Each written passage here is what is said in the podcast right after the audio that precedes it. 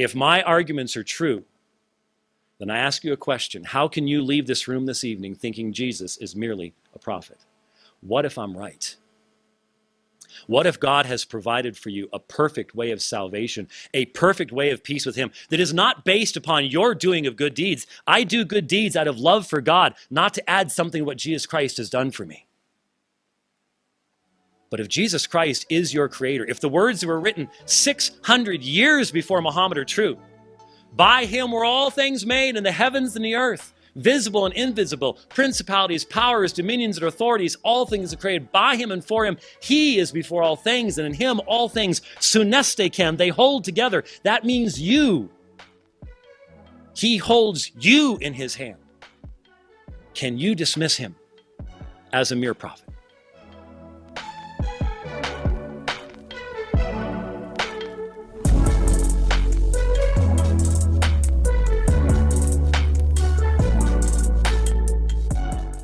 Apologetiek en islam.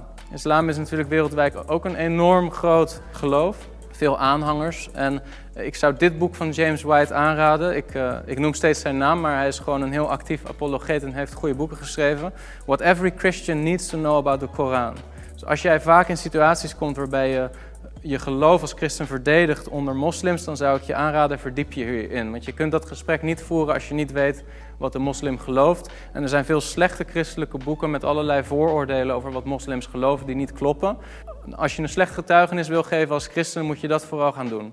Allerlei vooronderstellingen die niet waar zijn uh, naar de moslims slingeren, dat heeft geen zin. Je moet de interne inconsistentie van de islam laten zien uh, en de consistentie van de Bijbel. Kijk, het grote probleem van de islam is dat de schrijver, de auteur van de Koran, vermoedelijk Mohammed, zes eeuwen na Christus leefde. En hij ervan uitging, en dat lees je ook in de Koran, dat de christenen en de joden met de openbaring die ze al ontvangen hadden, namelijk hè, de, de Torah, de psalmen van David, het Nieuwe Testament, dat die in hun eigen schriften zouden kunnen vinden dat er nog een profeet zou komen, namelijk Mohammed. En hij verwijst daar ook echt naar. Hij zegt: laat de mensen van de Bijbel oordelen met dat wat Allah daarin geopenbaard heeft.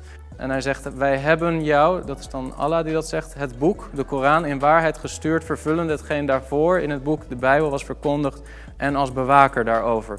Nou ja, als je vervolgens de Bijbel oprecht gaat bestuderen, dan zie je dat er helemaal geen profeet Mohammed aangekondigd wordt. En dat er vervolgens ook nog allerlei tegenstrijdigheden zijn. Bijvoorbeeld dat de Bijbel heel duidelijk onderwijst dat Jezus de Zoon van God is.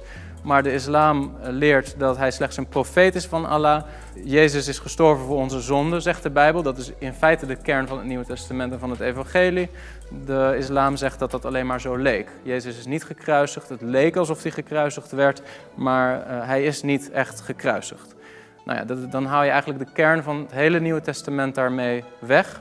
En dit is dus inconsistent. Dat zou ik uitleggen aan de moslim. Het is zo dat in de Koran de drie-eenheid verkeerd wordt uitgelegd. Uh, er zijn een aantal soera's die ik hier ook heb geschreven waaruit blijkt dat de auteur van de Koran dacht dat christenen geloven dat er drie goden zijn, namelijk God, dus Allah, Jezus en Maria. Dus hij dacht dat de derde persoon van de drie-eenheid Maria was, niet de Heilige Geest ja, als het een door God gestuurd profeet zou zijn, dan zou die daar niet zo over in verwarring zijn, denk ik. Ik denk dat God wel wist wat christenen geloofden. Uh, en in die tijd geloofden christenen al zes eeuwen dat uh, de drie-eenheid bestaat uit Vader, Zoon en Heilige Geest en dat er nog steeds één God is en niet drie. Maar de auteur van de Koran begrijpt dit verkeerd. Dat laat zien dat het intern inconsistent is. De auteur van de Koran, dat is ook wel interessant, verwart ook nog Maria, de moeder van Jezus, met Mirjam, de zus van Mozes. En die zitten ongeveer 1500 jaar uit elkaar in de geschiedenis. Dus als God dit boek zou hebben geïnspireerd, dan zou God daar denk ik niet over in verwarring zijn. Er zijn eigenlijk geen goede antwoorden op te geven.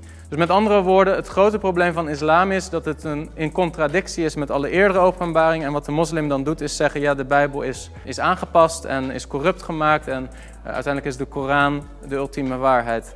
Ja, dat is een uit de lucht gegrepen antwoord. Daar is totaal geen basis voor om dat te geloven. Sterker nog, dat kan hij niet bewijzen of aantonen. Op die manier zou ik dat laten zien aan de moslim. Heb je iets gehad aan deze video? Druk dan op like, dan uh, zal YouTube ervoor zorgen dat meer mensen deze video zien. En als je vaker dit soort video's wilt kijken, abonneer je dan op dit kanaal. En dan zul je ongeveer wekelijks een nieuwe video aantreffen, waardoor je kan groeien in je kennis over geloofsverdediging.